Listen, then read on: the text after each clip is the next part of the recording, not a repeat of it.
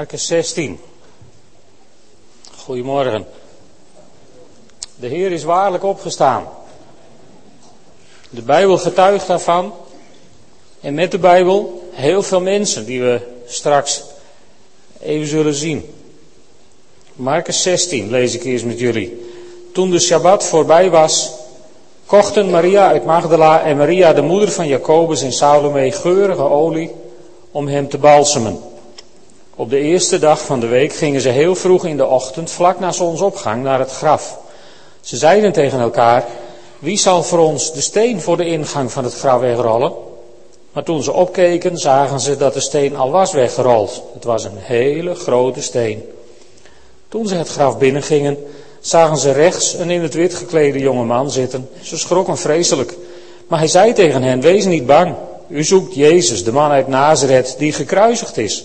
Hij is opgewekt uit de dood. Hij is niet hier. Kijk, dat is de plaats waar hij was neergelegd. Ga terug en zeg tegen zijn leerlingen en tegen Petrus: Hij gaat jullie voor naar Galilea. Daar zullen jullie hem zien zoals hij jullie heeft gezegd. Ze gingen naar buiten en vluchtten bij het graf vandaan, want ze waren bevangen door angst en schrik. Ze waren zo erg geschrokken dat ze tegen niemand iets zeiden. Toen hij vroeg op de eerste dag van de week uit de dood was opgestaan, verscheen hij eerst aan Maria uit Magdala, bij wie hij zeven demonen had uitgedreven. Ze gingen het nieuws vertellen aan de mensen die hem hadden vergezeld en die nu om hem treurden en rouwden. Toen ze hoorden dat hij leefde en dat zij hem had gezien, geloofden ze het niet. Daarna verscheen hij in een andere gedaante aan twee van hen toen ze buiten de stad aan het wandelen waren. Ze gingen terug en vertelden het aan de anderen, maar ook zij werden niet geloofd. Ten slotte verscheen hij aan de elf, terwijl ze aan het eten waren, en hij verweet hun hun ongeloof en halstarrigheid, omdat ze geen geloof hadden geschonken aan degenen die hem hadden gezien nadat hij uit de dood was opgewekt. En hij zei tegen hen, trek heel de wereld rond. Maak aan ieder schepsel het goede nieuws bekend. Wie gelooft en gedoopt is, zal worden gered, maar wie niet gelooft zal worden veroordeeld. Degenen die tot geloof zijn gekomen, zullen herkenbaar zijn aan de volgende tekenen. In mijn naam zullen ze demonen uitdrijven. Ze zullen spreken in onbekende talen. Met hun handen zullen ze slangen oppakken en als ze een dodelijk gif drinken, zal dat hun niet deren en ze zullen zieken weer gezond maken door hun de handen op te leggen. Nadat hij dit tegen hen gezegd had, werd de Heer Jezus in de hemel opgenomen en nam hij plaats aan de rechterhand van God. En zij gingen op weg om overal het nieuws bekend te maken. De Heer hielp hen daarbij en zette hun verkondiging kracht bij met de tekenen die ermee gepaard gingen. Pasen, hemelvaart en Pinksteren in één hoofdstuk. Een prachtig hoofdstuk. Overigens met een aantal bijzondere dingen erin waar ik vanmorgen met jullie even bij stil wil staan op deze prachtige paasmorgen. Om te beginnen, die vrouwen. Die vrouwen die op weg waren naar het graf. En, en ineens realiseren ze zich dat er niemand bij hen is om die steen weg te wentelen, om die steen weg te rollen. En volgens het boek vroegen ze zich af hoe ze ooit die zware steen voor de opening konden wegkrijgen. Zo kun je soms dingen in het leven voor de boeg hebben en je afvragen hoe je dat ooit voor elkaar krijgt. Wij hebben dat in onze tijd natuurlijk net zo goed. En uh, ja, wat je dan ziet, is dat deze vrouwen op weg naar het graf, zij waren probleemgeoriënteerd. Ze waren helemaal gericht op het probleem van die steen. Ze zijn op weg naar Jezus, maar het enige wat ze voor ogen hebben is die steen. En dat, weet je, dat heb je ervan als je gelooft dat Jezus dood is. Er zijn mensen in deze wereld die geloven nog steeds dat God dood is, dat Jezus dood is. En als Jezus dood is, is het enige wat je overhoudt in je leven problemen. Stenen die niet uit de weg willen. En de Bijbel die kleineert dit probleem niet. Dat vind ik het, het, het kostbare van het woord van God. Deze vrouwen die liepen tegen een probleem aan en, en de Bijbel die wijst niet met de vinger, er wordt niet gepraat over wie zijn schuld het is. Het wordt ook niet gebagatelliseerd van het is de moeite niet. De Bijbel maakt het ook niet belachelijk.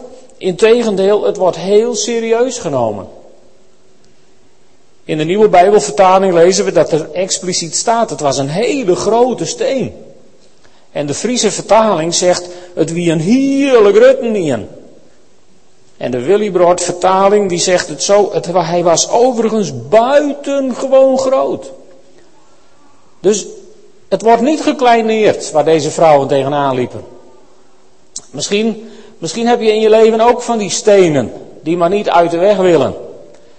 Je gezondheid kan zo'n steen zijn. Je huwelijk kan zo'n steen zijn. Je, je baan, hou je hem of hou je hem niet, kan zo'n steen zijn. Hè? De, je financiële situatie misschien in deze, in deze moeilijke tijd. Het kunnen allemaal van die enorme stenen zijn waar je mee worstelt, waar je tegenaan kijkt. En God kleineert ze niet. God neemt ze uitermate serieus. Alleen hij signaleert meestal andere hoofdoorzaken dan wij. Het hoofdprobleem was en is de zonde. Een buitengewoon grote steen. En de duivel is erop uit om onze aandacht op die buitengewone grootheid van die steen te vestigen. Zodat we maar vooral met die steen bezig zullen zijn. Zodat we maar vooral ons zullen focussen op die steen zodat de moedje in de schoenen zinkt. En het resultaat daarvan is ongeloof. En weet je, God wil dat we op Hem georiënteerd zijn. God wil dat we op Hem en op Jezus gericht zijn. En zolang je je problemen, de dingen waar je mee worstelt, zelf wilt oplossen, ben je nog steeds bezig met die steen. Nog steeds bezig met dat probleem. Maar zodra je tot de erkentenis komt in je leven dat je het zelf niet kunt, dan ben je in staat om je op God te richten. En dat kan verbijsterende gevolgen hebben. Kijk eens hoe mooi het hier staat in dit verhaal. Toen ze opkeken, zagen ze dat de steen al was weggerold. Toen ze opkeken, weet je, wij, wij mensen kunnen ons zo focussen op de dingen waar we mee worstelen, dat we neerkijken, dat we alsmaar gefocust zijn op dat aardse probleem waar we mee worstelen. Maar toen ze opkeken, toen ze opkeken, toen zagen ze. De NBG-vertaling zegt het zo mooi, toen zij opzagen, aanschouwden zij. En de Statenvertaling die maakt het ja, nog dichterbij, die zegt, en opziende zagen zij. Dus op het moment dat je gefocust bent op de dingen die voor ogen zijn, die voorhanden zijn, als je gefocust bent op die steen en misschien wel op je eigen capaciteiten om misschien die steen aan de kant te krijgen, zul je nooit zien. Maar opziende, als je je blik weet los te trekken van die steen waar jij misschien in jouw leven mee worstelt op deze paasdag, ik weet het niet. Maar als je je blik opheft van die steen, omhoog, omhoog, en wie is er omhoog, opheft naar God, dan ga je aanschouwen. En wat ga je dan zien? Nou, zij zagen dat de steen, waar ze zo, zo'n probleem mee hadden, waar ze zo mee worstelden, die steen was al lang aan de kant. Deed me denken aan de tekst uit Jesaja 65, vers 24. Eer gij roept, zal ik u antwoorden. En eigenlijk wordt dat in het verhaal ook bevestigd, want als ze dan het graf binnengaan, dan zit daar een engel en die zegt: Hallo, jullie zoeken Jezus. God wist allang wat ze kwamen doen. God wist allang wat ze zochten. God kende hun probleem. Ver voordat ze er zelf ooit achter waren. Dat ze op weg naar het graf een probleem zouden hebben. En God, weet je, dat is het het mooie van God. God komt daarin ons ongeloof, ons, ons onvermogen om geloof op te brengen, altijd te hulp, tegemoet. En, en er was nogal wat ongeloof in dit verhaal. We hebben het gelezen, hij verscheen aan Maria uit Magdala. En, en toen ze het vertelde, geloofden ze het niet. En hij verscheen aan die twee mannen die onderweg waren. En in Lucas komen we die twee mannen tegen als de Emmausgangers. We kennen die twee mannen uit het woord van God. En die komen ook thuis met dat verhaal dat ze Jezus hebben ontmoet. En ze geloofden hen niet. En uiteindelijk moet Jezus zelf in hoogst eigen persoon in hun midden verschijnen om bij de twaalf of bij de elf die er nog over zijn, die, die zo lang, zo intensief met hem zijn opgetrokken, die zo vaak van de Heer Jezus zelf hadden gehoord dat hij zou sterven en weer zou opstaan. Het was hun allemaal verteld. Uiteindelijk moet hij zelf aan deze mensen verschijnen en hij verwijt hen hun ongeloof. Niet, niet zo, ook niet om ze weg te gooien. Hè? Ik bedoel, Kijk, wij, wij denken, God is liefde. En dat is zo. Maar die God vol liefde, die kan ze in zijn liefde, kan hij jou soms dingen komen verwijten. Als wij elkaar dingen gaan verwijten, dan, dan rommelen we met schuldgevoelens en met dingen en dan, dat, dat is allemaal last. Maar als God je dingen verwijt, weet je, dan is dat er niet. Schuldgevoelens zijn nooit van God. Die zijn altijd uit het rijk van de duisternis. Maar als God je iets verwijt, als God je als het ware even voor de spiegel zet van kijk eens, jullie doe je niet goed, dan is daar zoveel goddelijke liefde bij dat je in staat bent om te zeggen, Heer, u hebt gelijk, ik ga het anders doen. Bekeren heet dat. En dat, zijn, dat, dat is iets wat je, wat je dagelijks met God kan overkomen. Dus God verwijt je niet iets om je, om je op te zadelen met een partij schuld. Als God je iets verwijt, als God je blik ergens op vestigt, als God je iets wilt laten zien, dit moet je anders doen, dan heeft hij daar iets goeds mee voor. Dan wil hij je daarmee zegenen. Met dat anders gaan doen. En weet je, God wil je aan alle kanten helpen. God begrijpt dat wij soms last hebben van ongeloof en dat we het soms niet helemaal, ja, niet helemaal kunnen vatten. God kwam hier de mensen ook tegemoet. Want je moet je eens afvragen, waarom was die steen eigenlijk weg? Van dat graf. Niet om Jezus eruit te laten, maar om hen en ons erin te laten, zodat we zouden kunnen zien. Want ze zijn bij elkaar, die elf, en dan verschijnt hij plotseling in hun midden, terwijl de deuren gesloten waren. Dus Jezus verscheen gewoon. Muren en stenen en deuren waren voor Jezus geen probleem meer in zijn opstandingsleven en in zijn opstandingskracht. Voor Jezus had die steen niet weggehoeven. En ik denk zelfs toen, toen er een, een engel kwam die die steen wegrolde, dat Jezus al lang was opgestaan. Die was al lang vertrokken. Hij was niet te houden in het graf. Hij werd er niet uitgeholpen door een engel. Hij stond op. Uit die zeldzame opstandingskracht die sinds de uitstorting van de Heilige Geest ter beschikking staat van u en van mij. Opstaan en je weggaan. En hij hoefde niet geholpen te worden om uit het graf te komen. Maar God had die steen aan de kant gerold, zodat die vrouwen zouden kunnen zien, nee, nee, hij is echt weg. Hij is echt weg. En dat verhaal konden ze aan de discipelen vertellen. Maar ja, die geloofden dat niet. En daarom verscheen Jezus aan zoveel. Weet je, Jezus hoefde zichzelf niet te bewijzen. Maar Jezus wilde de mensen een hart onder de riem steken. En hij verscheen aan mensen. Hij verscheen aan heel veel mensen. Paulus die schrijft daar later over. In 1 Korinthe 15 staat een heel bijzonder stukje. In 1 Korinthe 15 bij vers 3, daar begint Paulus. Het belangrijkste dat ik u heb doorgegeven, heb ik op mijn beurt ook weer ontvangen. Het is heel bijzonder dat Paulus dat hier zegt, want hij, hij, dat zegt hij niet zo vaak. Hij, hij doet dat als hij vertelt over het avondmaal, dat hij dat heeft ontvangen. Met andere woorden, dat hebben mensen hem verteld dat het zo moest. Dat had hij gekregen van waarschijnlijk de apostelen in Jeruzalem. En hier begint hij met dezelfde inleiding. Zelf heb ik ontvangen. En volgens, uh, volgens Bijbelgeleerden is dit de alleroudste geloofsbeleidenis die er op aarde is. Nieuw Testament is dan, hè? Dit is een, schijnt een hele oude geloofsbeleidenis te zijn die Paulus heeft gekregen van de apostelen. Hij zegt ontvangen. En wat heeft hij dan ontvangen?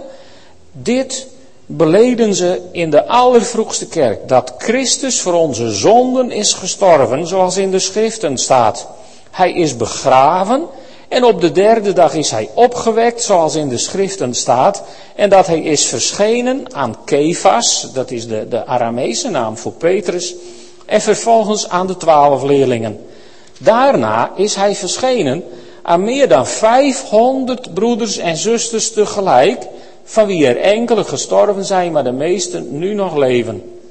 Vervolgens is hij aan Jacobus verschenen en daarna aan alle apostelen. Dit beleden ze in de jonge kerk.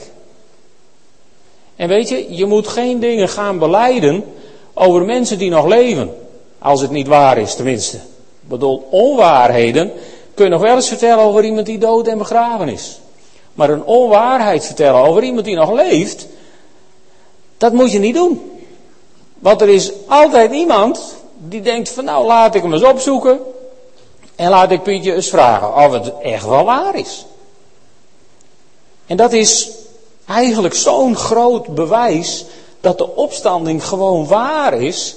Want men durfde het toen, zwart op wit, men durfde het in de vroege kerk te beleiden terwijl de ooggetuigen nog leefden.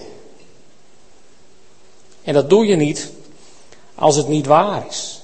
En Jezus verscheen dus aan zoveel mensen, aan zoveel mensen liet Hij zich zien. Om ons ongeloof tegemoet te komen. Opdat wij zouden kunnen geloven dat de opstanding waar is. Daarom staat dit allemaal in het evangelie, om ons ervan te overtuigen. Want dit is de kern van het evangelie.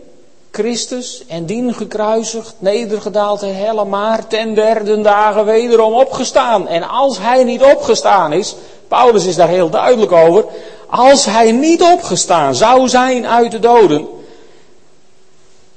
is Goede Vrijdag voor niks geweest. Dan zou hij voor niks zijn gestorven aan het kruis en dan zou de dood overwonnen hebben en het laatste woord hebben gehad. Maar de dood heeft verloren en dat vieren we op een dag als vandaag. Dat vieren we op een dag als vandaag. Jezus leeft. Hij is opgestaan. Halleluja. Dat vieren we vandaag. En, en God heeft alle mogelijke moeite gedaan om de mensen te laten zien dat hij leefde. Dat hij was opgestaan. Aan meer dan 500 tegelijk. Prachtig. God is zo ver ons tegemoet gekomen om ons ongeloof, ja, eigenlijk te overwinnen. Want weet je, ongeloof is steen georiënteerd. Die steen die er nog altijd voor zou liggen. Maar geloof is Jezus georiënteerd. Het christelijk geloof is gewoon christocentrisch. Het draait om Jezus Christus. En als het ergens anders om draait, als je geloof ergens anders om draait dan om Jezus Christus, dan kun je je honderd keer christen noemen, lieve vrienden, maar dan bevind je je op een uitermate wankele basis. Het geloof draait om Jezus Christus, om zijn dood en op zijn opstanding. Dat is het hart waar het over gaat. Daarom hangt er ook een kruis in de kerk. En dat kruis is mij heel dierbaar, wat hier in de kerk hangt. Ik las eh, een jaar of twee geleden las ik een stuk dat er kerken zijn waar ze het kruis verwijderen. Omdat het voor de mensen die, die moeite hebben met de dood en de opstanding van de Heer Jezus. En die eigenlijk denken dat dat nou ja, niet zo letterlijk genomen moet worden. Die, die storen zich aan het kruis. Nou, ik, ik, ik heb één boodschap voor u. Als u zich stoort aan het kruis, is daar gewoon de deur naar buiten. En dan hebt u hier eigenlijk niks te zoeken. Want als dat kruis de kerk uit moet, dan moet ik er eerst uitgedragen worden, anders gaat het niet. Dat is het hart van wat wij geloven. Jezus Christus en dien gekruisigd. Maar hij leeft. Hij leeft in de kracht van de Heilige Geest. Hij leeft. En dat vieren we vandaag. Daarom hebben we straks ook allemaal lekkere broodjes en van alles. En, en we vieren gewoon met elkaar. Door Hem te loven en te prijzen. Door, door stil te staan bij dit stuk van het Evangelie. En door straks gewoon met z'n allen feest te vieren. Dit is het grootste feest van de kerk. Er wordt vaak veel meer drukte gemaakt over het kerstfeest dan over het paasfeest. Maar dit is het ultieme feest van de kerk. Jezus Christus droeg al mijn zonden de dood in.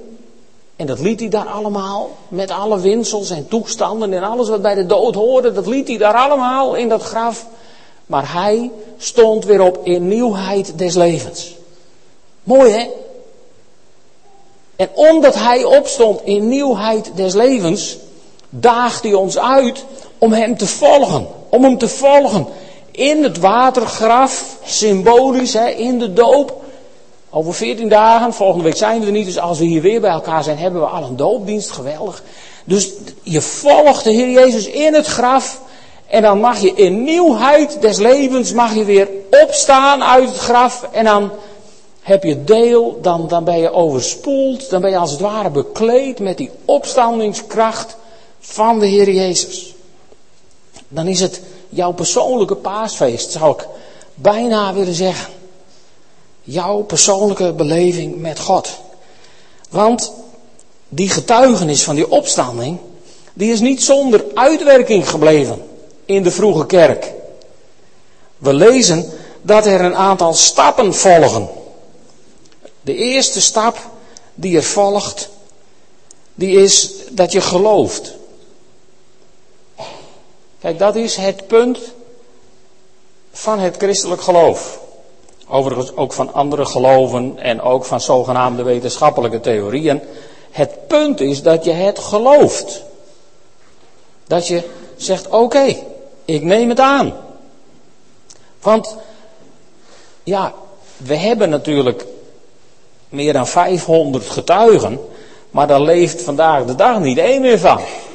En als je tot de categorie mensen hoort die de Bijbel niet gelooft, ja, wat heb je dan aan dat verslag over al die getuigen? Uiteindelijk kan vandaag de dag niemand jou meer fysiek bewijzen dat Jezus is opgestaan. Je moet het geloven. Je moet het aan willen nemen. Je moet zeggen, oké, ik zet mijn verstandelijke barrières die, die beweren dat zoiets niet mogelijk is, die zet ik aan de kant. Die steen, nee die steen, lieve vrienden, daar hoef je niks aan te doen, die steen is al weggerold. God komt je zo ver tegemoet dat hij de steen wegrolt. God komt je zo ver tegemoet dat hij met zijn heilige geest in jouw denken wil werken zodat je het kunt geloven. En daarom is zelfs het geloof dat Jezus is opgestaan een geschenk van God. Zelfs dat kun je niet verdienen. Het is cadeau. Je krijgt het van Hem. Dus dat is stap 1. Je gelooft en daardoor word je gered. Je bent behouden omdat je gelooft. Nergens andersom. Je kunt straks niet bij de hemel komen en een handtekeningenboekje aan Petrus laten zien van kijk, ik heb dit gedaan, dat gedaan, dat gedaan. Zo werkt dat niet. Je gelooft. En God weet of je gelooft of of je niet gelooft. Ook dat hoef je later niet, volgens mij, te beleiden eerst bij de poort voordat je erin mag. God weet of je gelooft of niet. God ziet je hart aan en hij weet wat er in je hart leeft. En als dat geloof in jouw hart leeft, dan is stap 2 is dat je je laat dopen omdat je gelooft. Jezus zegt het hier expliciet in Marcus 16, vers 16. Wie gelooft en gedoopt is, zal worden gered. Niet omdat je gedoopt bent, maar omdat je gelooft. Hè? Dus je laten dopen is gewoon een vervolgstap op je geloof. En wie niet gelooft, ja, die zal worden veroordeeld. Dus niet geloven en wel gedoopt zijn is hier helemaal geen optie. Wel geloven en niet gedoopt zijn overigens ook niet.